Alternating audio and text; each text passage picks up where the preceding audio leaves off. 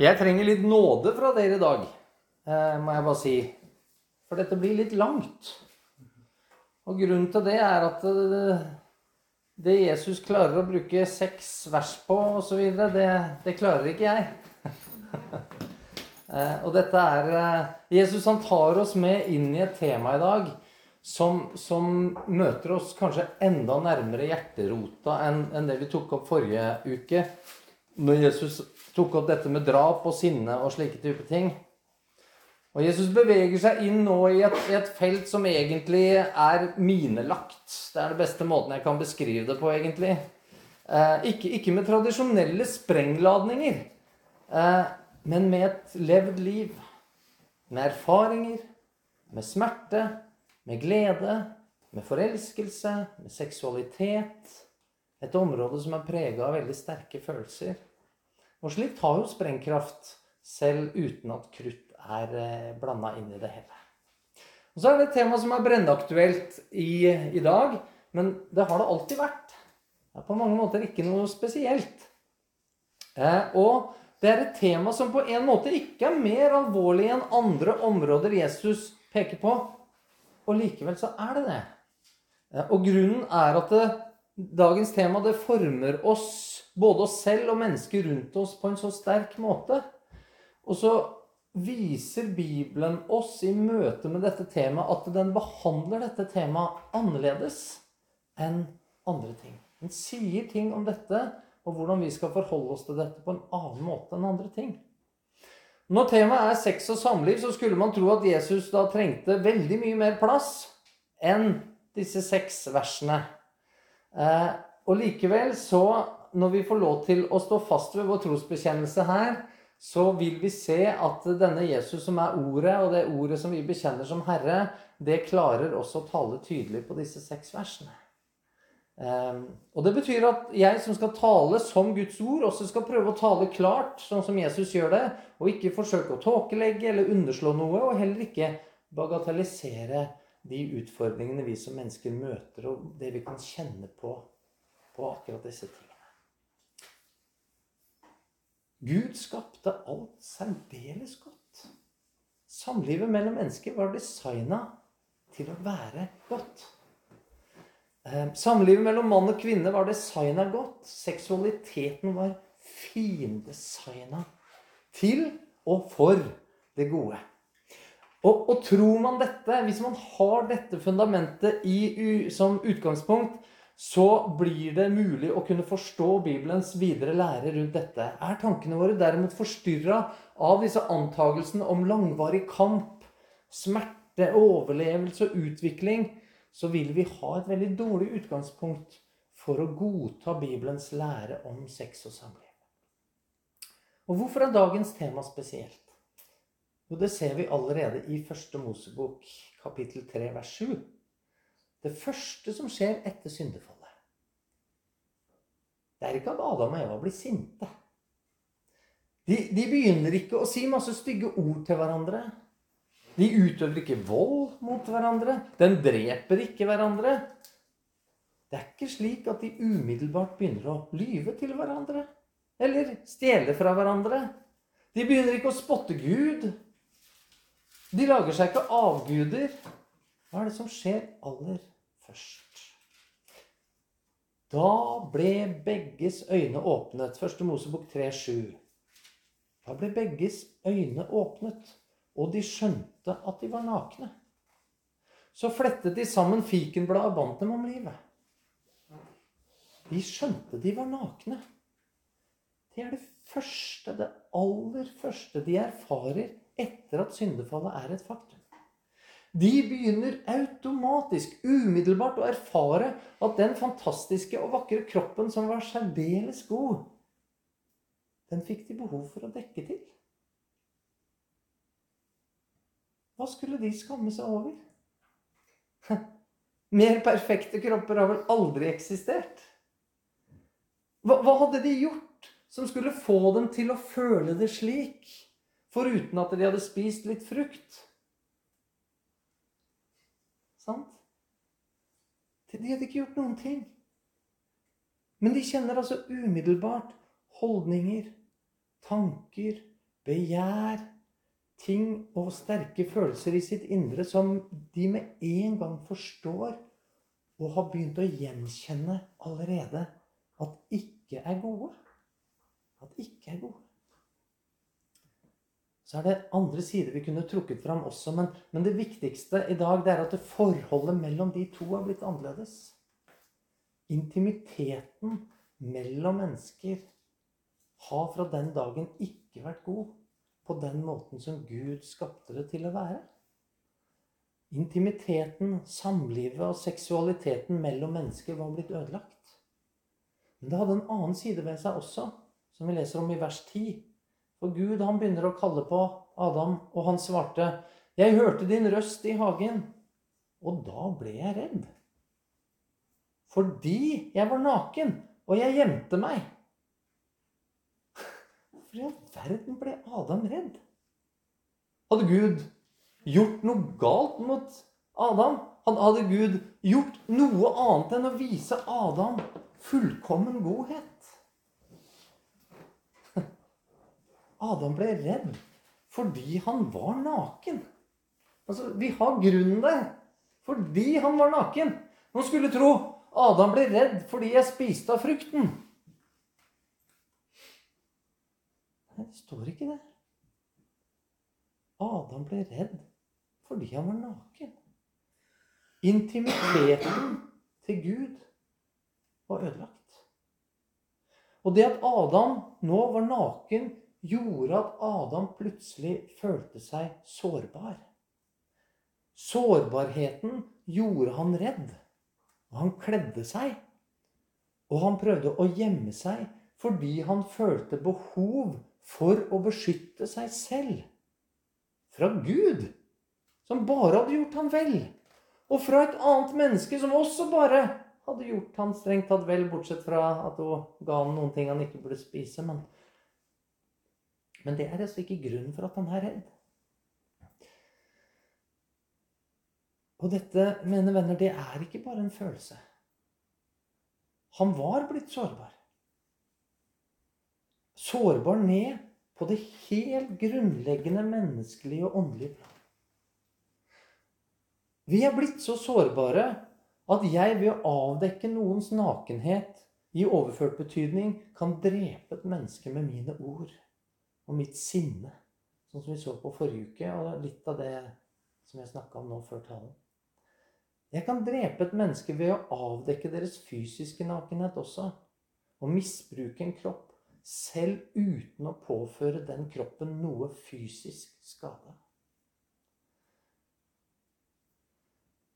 Og mennesker har god grunn for å være redd for sin nakenhet og vokte seg vel for hvem man blottstiller seg for.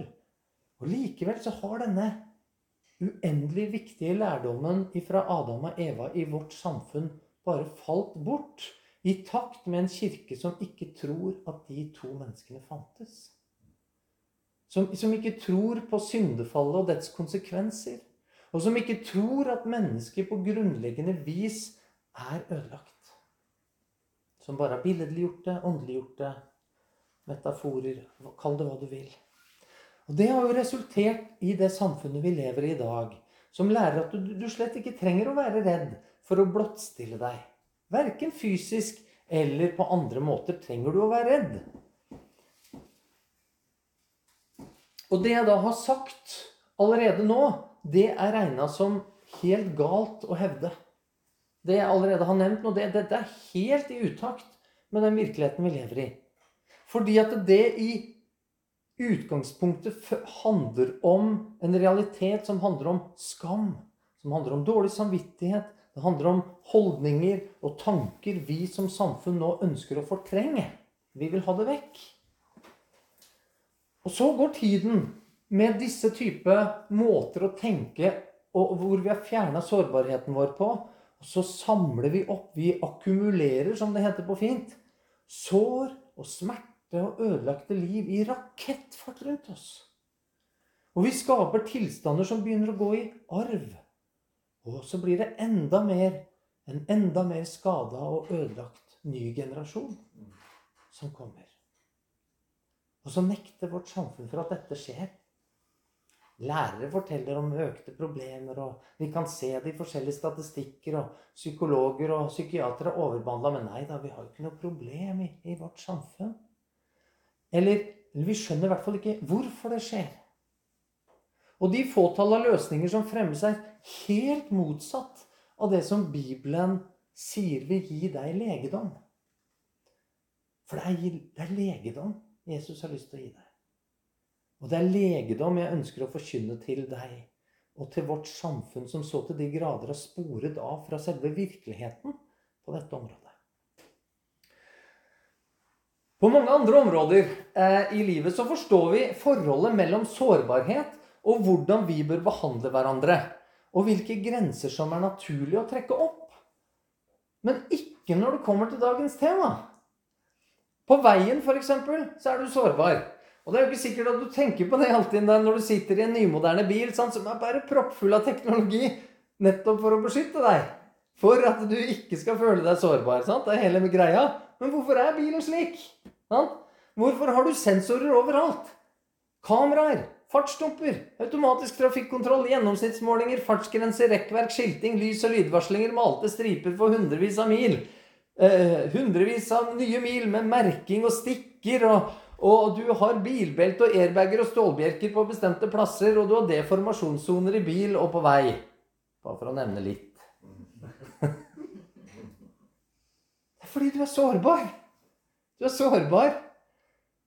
Og for meg som stadig hopper på tohjulingen min og kjenner vinden i ansiktet, så er det ikke så vanskelig å forstå at treffer jeg den semitraileren der, så er jeg ille ute å kjøre. Rett bokstavelig talt. Ja. Og det hjelper ingenting om jeg ikke tror på egen sårbarhet. Om kulturen rundt meg har fått meg til å tro at nei da, jeg er ikke sårbar der jeg ferdes rundt på veien. Det, det hjelper ikke at jeg har kontroll på situasjonen hvis andre rundt meg ikke har det. Det hjelper ikke at jeg klarer meg fint dersom min atferd sårer andre trafikanter eller mykere trafikanter. Sårbarheten, den er virkelig Den er et faktum uansett hva kultur eller følelser skulle si. Og så erkjenner vi som samfunn dette, og så har vi gått altså veldig langt i å beskytte oss selv på veien. Og vi har altså et detaljert lovverk på plass som det kreves at alle følger for at ikke sårbarheten går utover til å bli faktiske sår, smerte og død. Hvorfor er vi ikke villige til å følge noen få enkle regler på livets vei av samme grunn? En nullvisjon for livsveiskadde, det, det hadde vært noe. Særlig med tanke på at trafikkskadde det er bare en liten parentes sammenligna med antallet livsveiskadde som hoper seg opp når det kommer til sex- og samlivsspørsmål. Dere har hørt deg sagt du skal ikke bryte ekteskapet. Sier Jesus, for hans ønske er legedom. Å minimere livsveiskadde. Men jeg opplever det som at selv kristne mennesker faktisk ikke tror på Jesus. Før man har et verdensbilde som gjør at man forstår sin egen sårbarhet når det kommer til disse spørsmålene, så er det veldig liten vits i å begynne å snakke om regler. Det går fint.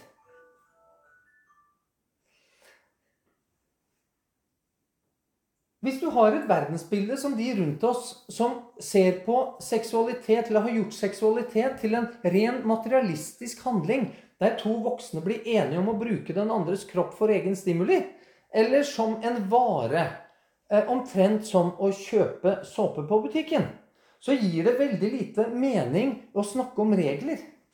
Det gir veldig lite mening om å tenke at det her er noe som må vernes. Jeg mener, Hvorfor skal vi ha rammer og tider der man ikke kan få kjøpe såpe? liksom? Altså, Hvorfor skal vi ha regler for hvordan man bruker såpe? Altså, det, det blir helt absurd i en materialistisk verden. Og da må jeg få kunne leve med den eller de jeg vil, og leve ut dette samlivet slik som vi blir enige om.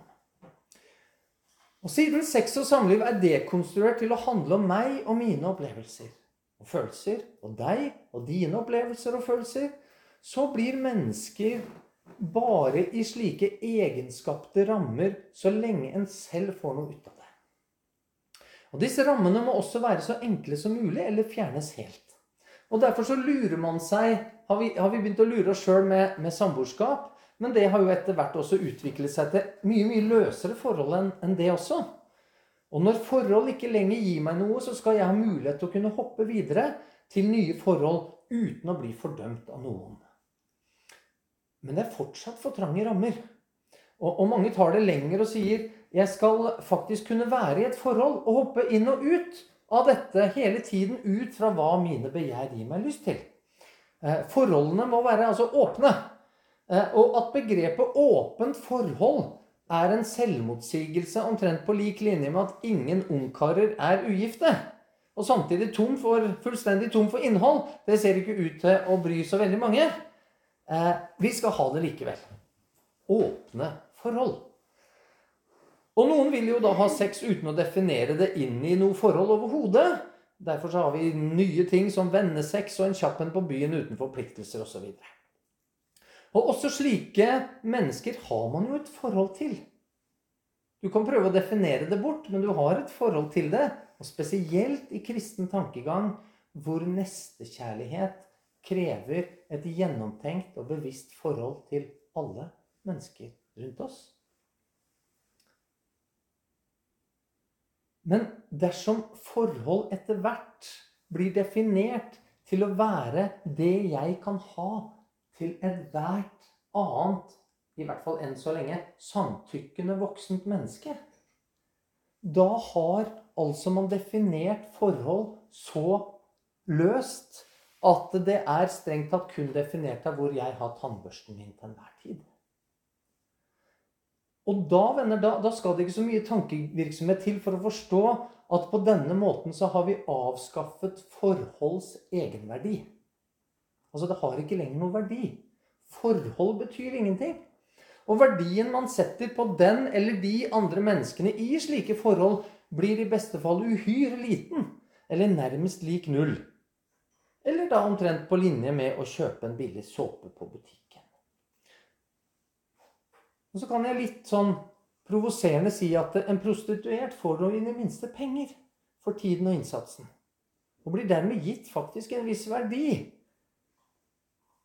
Men, men som samfunn så har vårt verdensbilde gjort at vi har falt så lavt at dette Gud skapte godt og verdifullt, har vi skapt til å bli verdiløst.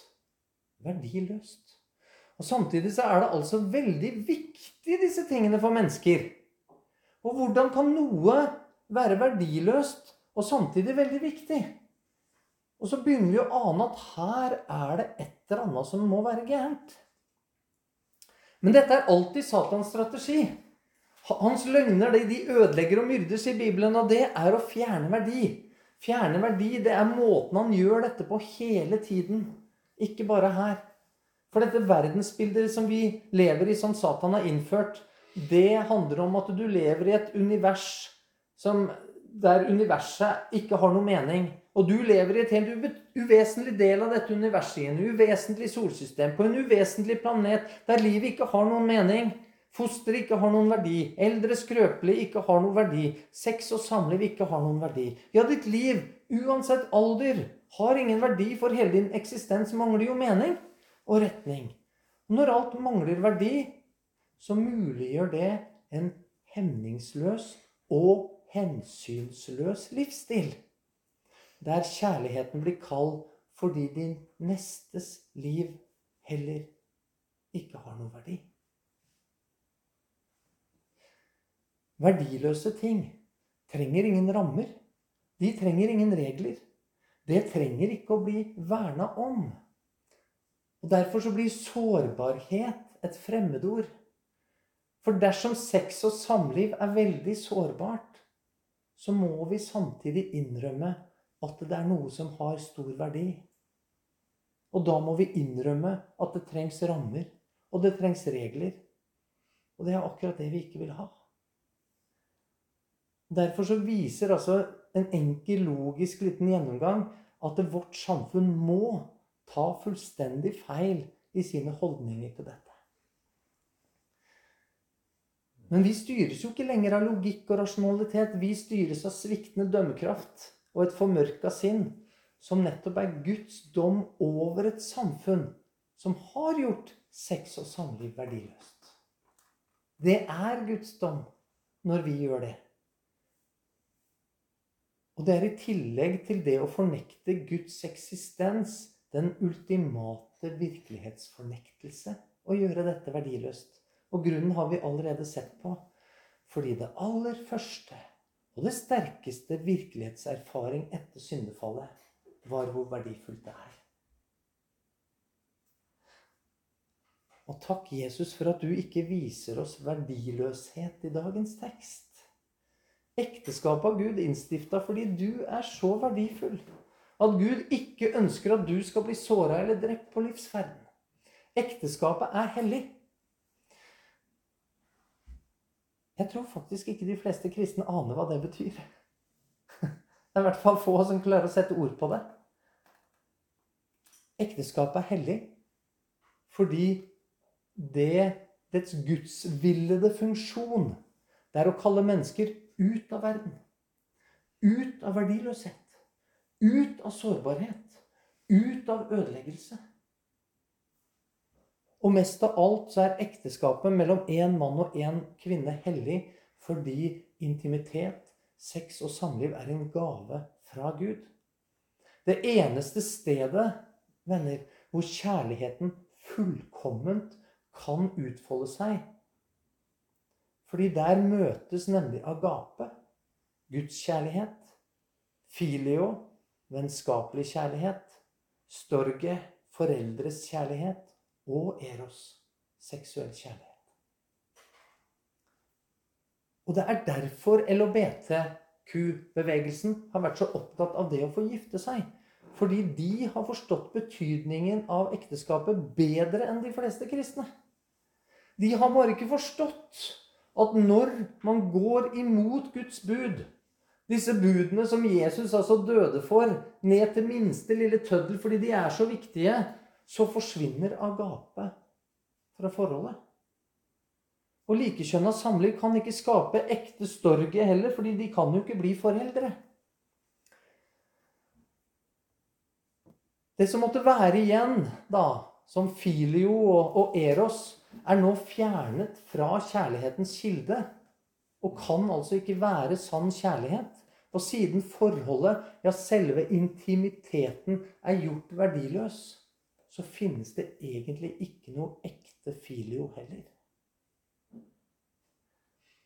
Og slik forvitrer kjærligheten til en ugjenkjennelig, forvrengt og egoistisk eros. Og den kan man utøve så mye man vil, men jo mer den utøves, jo mer vil tomheten man opplever, vokse seg større. Og derfor vet alle som lever slik, at det man gjør, egentlig er galt. Og denne opplevelsen må undertrykkes. Og det gjør man med en utsvevende livsstil, med rus, med utagerende seksualitet og feiring av livsstilen, og ved å forsøke å stille enhver stemme som minner en på det ødeleggende ved et slikt liv. Og Gud, han kjenner virkeligheten. Han kjenner deg. Han vet hvor sårbar du er. Og jeg mener selv jeg som er gift, som lever i et trygt og stabilt ekteskap, og som lever med ei som ikke bare lovet meg å være der med meg resten av livet, men hun mente det da, og, og mener det fortsatt. Og som, kan, som jeg kan stole på. Og i tillegg så har jeg en Gud som jeg har kjent Guds gode vilje og kjærlighet i mitt liv. Og likevel så kjenner jeg hvor sårbar jeg er når det kommer til min nakenhet og mine behov. Jeg kjenner meg igjen i Adam. Hadde bare opplevd godhet. Han var redd. Det er altså i lyset fra denne voldsomme verdien Gud setter på mennesker, at man ikke skal bryte ekteskapet. Det er i dette lyset Gud sier at han hater skilsmisse. Det er i dette lyset en kristen må vite å vinne seg sin ektefelle med hellighet og ære, og ikke i kjødelig begjær. fordi ektefellen er uendelig verdifull. Og så sårbar når det gjennom et intimt forhold får avdekket både sin fysiske og sin psykologiske nakenhet. Det gjør at det her må man granske sine motiv og styre sine begjær. Og hor er derfor en synd som ikke er som alle andre. Fordi det er en synd mot sitt eget legeme, sin egen kropp og sjel. Det er en synd mot et annet menneske. Og det fører raskt til synd mot en uskyldig tredjepart, enten i form av omsorgssvikt eller, eller, drap, dersom man vil velge den brede veien her og, og går til abort. Men ultimat så er det en synd mot Gud fordi det ødelegger for Guds agape. Opplevelsen av Guds kjærlighet, både til deg selv og til andre mennesker. Og David han erkjente dette. Det er mulig du har lurt litt på det, hvordan David kan si det han sier etter han har drevet Tor med Batseba, og, så, og bekjenner det og skriver om det i Salme 51. Hvor han sier 'Mot deg alene har jeg syndet'. Og Det er derfor Satan angriper ekteskapet så intenst som han gjør. Og det er derfor mange kristne faller bort fra en sann tro gjennom hor, skilsmisse og gjengifte. Legg derfor merke til Jesu ord i dag. På samme måte som med sinne og drap så starter Jesus med våre indre holdninger. Det er jo det han har gjort nå hele tiden når vi har sett på dette i bergprekenen så langt. Men jeg sier dere hver den som ser på en kvinne for å begjære henne, har allerede brutt ekteskapet med henne i sitt hjerte. Så kan du jo selvfølgelig også legge merke til her hvem Jesus snakker om. Mannen har i Bibelen ingen fordeler, ingen særrettigheter, ingen større verdi. Men én ting har han. Han blir i alle ting tillagt større ansvar. Større ansvar for å tjene fellesskapet, tjene menigheten. Større ansvar for familien, for å finne en kvinne å dele livet med. For å oppdra og undervise barna. For å elske kona. For å holde fast på Guds bud. Og her handler det om å holde ekteskapet sammen. Dette er Bibelens virkelighetsbeskrivelse. Og ansvaret for at samfunnet vårt er der det er i dag, det handler om menns manglende ansvarlighet.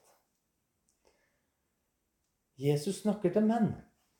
Ikke fordi han ikke vet at også kvinner er utro, at kvinner kan begjære, at de kan være fristerinner, og at kvinner kan ødelegge ekteskap. Han snakker til menn fordi de har ansvaret for at det skjer, og om det skjer. Det blir altså ikke hor med en mann som ikke har lyst. Det er fysisk umulig. Rent seksuelt. Og det er også fysisk umulig i forhold til voldtekt.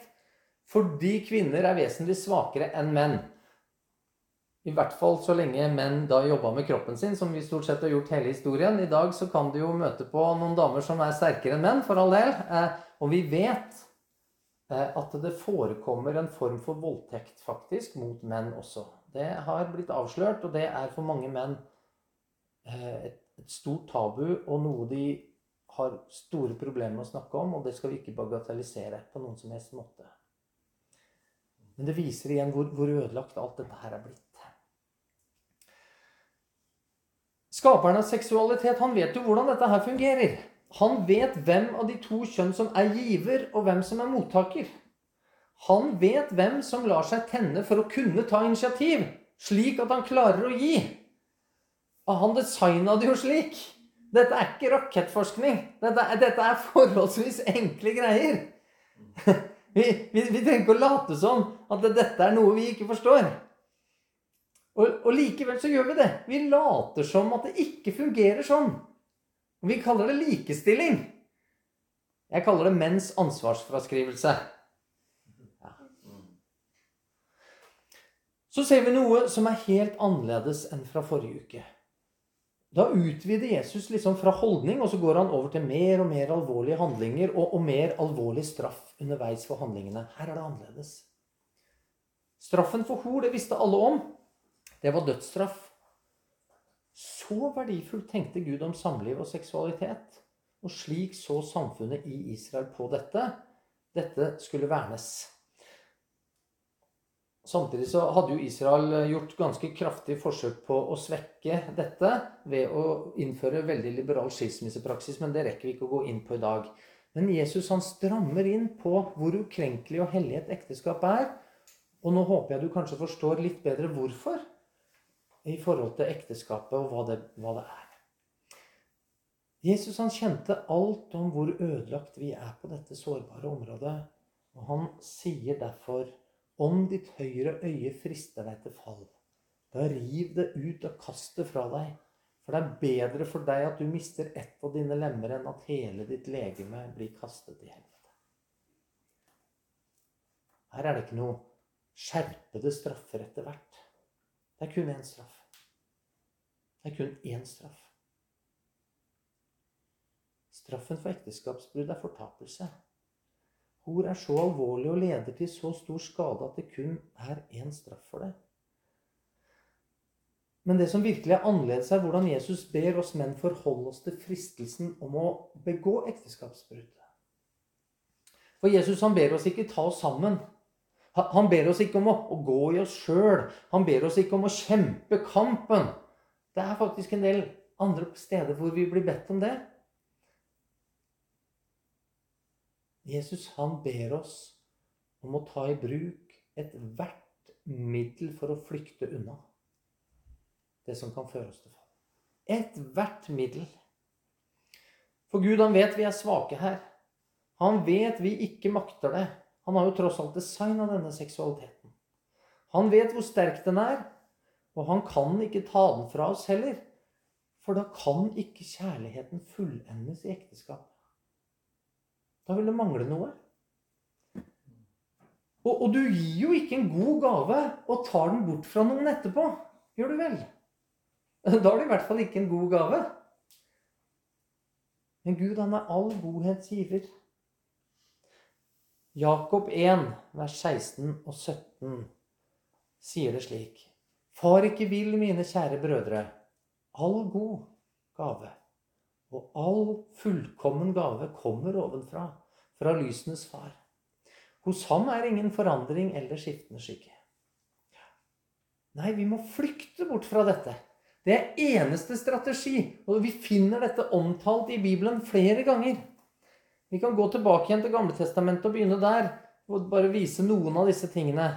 Jeg liker alltid to eller tre vitners ord, så nå tar jeg tre. En pakt hadde jeg gjort med mine øyne at jeg ikke skulle se på en jomfru. I Jobb 31, vers 1. Jobb han flykta bort ved rett og slett unngå å se på kvinner. Det er radikalt. Kan vi være enige om det?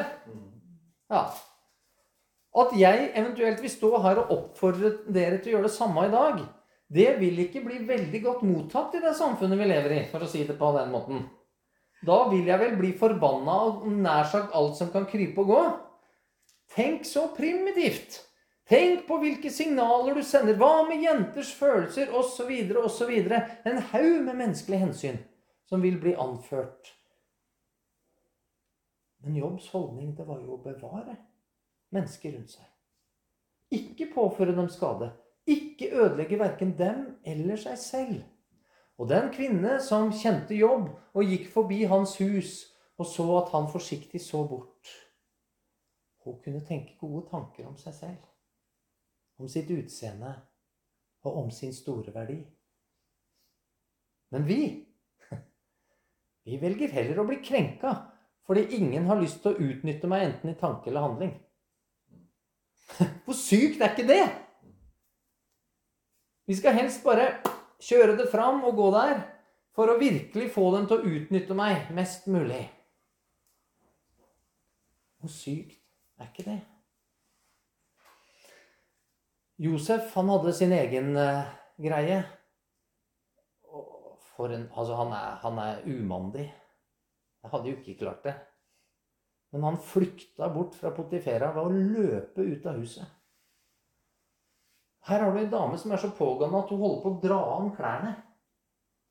Det er jo drømmescenario for de fleste menn i deres fantasier.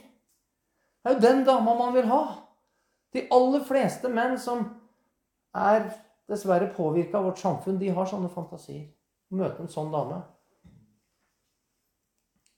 Josef han flykter ut og løper ut av huset, og det koster han årevis i fengsel. Nytestamentet så har vi 1. Korinterne 6,18. Fly hor. All synd som et menneske ellers kan gjøre, er utenfor legemet. Men den som driver hor, synder mot sitt eget legeme. Flykt unna, skriver Paulus. Og så samstemmer han med Jesus, som ber oss om å gå langt mer ekstremt til verks enn jobb. Hvis du syns jobb var ekstrem, så har du You see nothing yet, sier de på, på godt norsk. Og om din høyre hånd frister deg til fall, da hogg den av og kast den fra deg. For det er bedre for deg å miste ett av dine lemmer enn at hele ditt legeme kommer til helvete. Kast TV-en ut av huset. Kutt ut smartmobil. Unngå den delen av butikken med de bladene. Se rett fram når du kommer til kassa hvor sladrebladene står. Bytt jobb om resepsjonisten eller kollegaen store utringning gjør at du ikke klarer å leve sånn som du burde. Installer filter på PC-en din og la din bror eller din pastor sette koden for å kunne skru det av. Og aldri, absolutt aldri, la deg lure til å tro at nå har du kontroll om det har gått en periode og du kjenner at makten dette har over deg, slipper grepet. Aldri gjør det. Det er derimot en ting du skal få slippe å gjøre.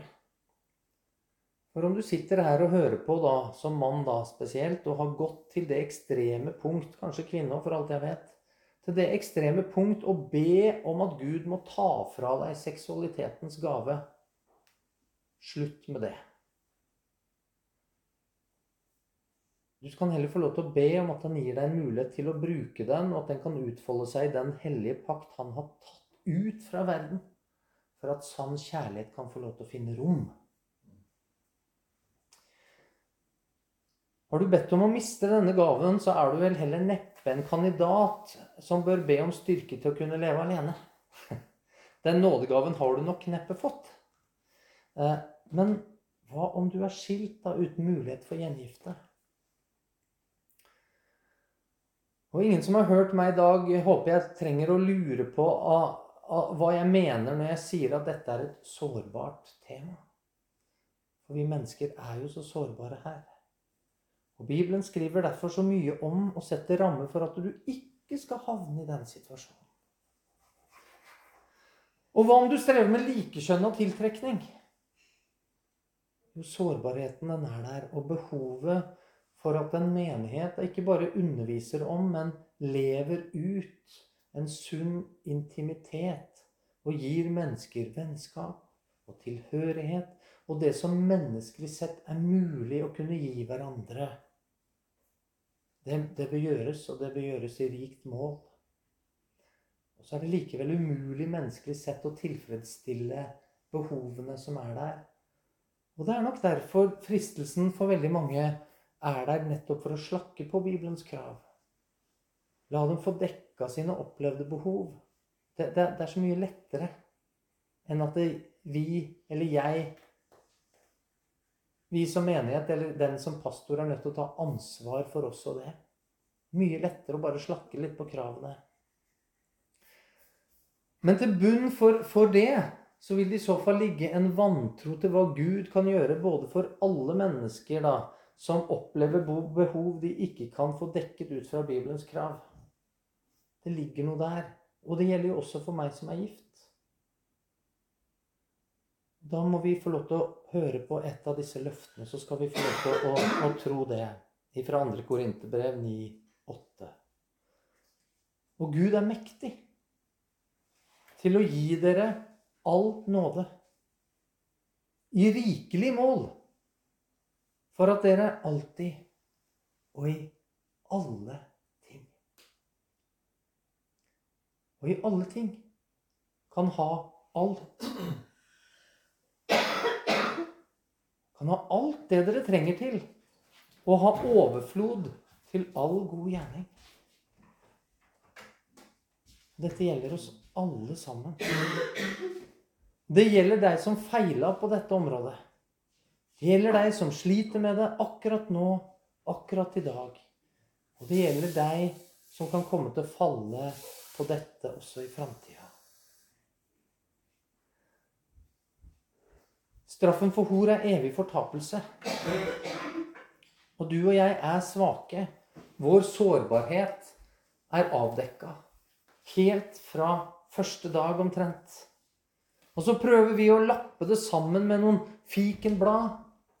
Og mange prøver å gjemme seg for Gud. Men der vi ikke makta dette, så kommer Gud til Adam. Og så slakter han et dyr. Så skjulte han Adams nakenhet. Han tok seg av Adams sårbarhet. Han ønska å verne. Han ønska å beskytte. Han kom som det lyteløse lammet som ble slakta, og som dekker deg og all din skam. Uansett hvor stor den er på dette veldig sårbare området. For Gud, han er mektig til å gi deg alle ting, all nåde, i rikelig mål. Ja, han ga det selv til David. Jeg er så glad for at den historien står der.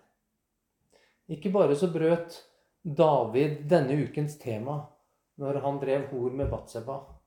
Han brøt forrige ukes tema òg. Da han drepte mannen hennes. David ga Gud rett. Måtte vi også få nåde til å gi Gud rett. Rett til å definere intimitetens verdi rett i hans åpenbaring om virkeligheten fra skapelsen, slik at du forstår hvorfor vi er så sårbare, og hvorfor vi trenger hans gode rammer og regler for å bli bevart både for liv og for evighet.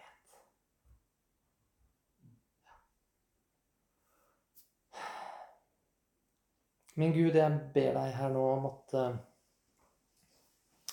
vi kunne få lov til å sitte igjen med det du vil for hver enkelt av oss.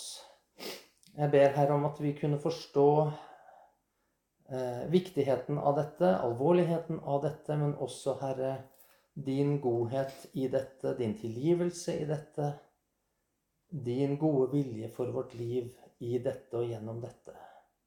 Og Herre, du er langmodig. Du er rik på nåde. Ja, du vil gi oss all nåde slik at vi har det vi trenger i alle ting. Ja, selv Herre, når vi har satt oss i den situasjonen at vi ikke lenger egentlig kan få det som du ønska å gi oss i, i, fullt mål, så skal du likevel gi det til oss i fullt mål. Og Herre, dette er ikke menneskelig mulig. Ingenting er umulig for deg. Og det takker vi deg for. I Jesu navn. Amen.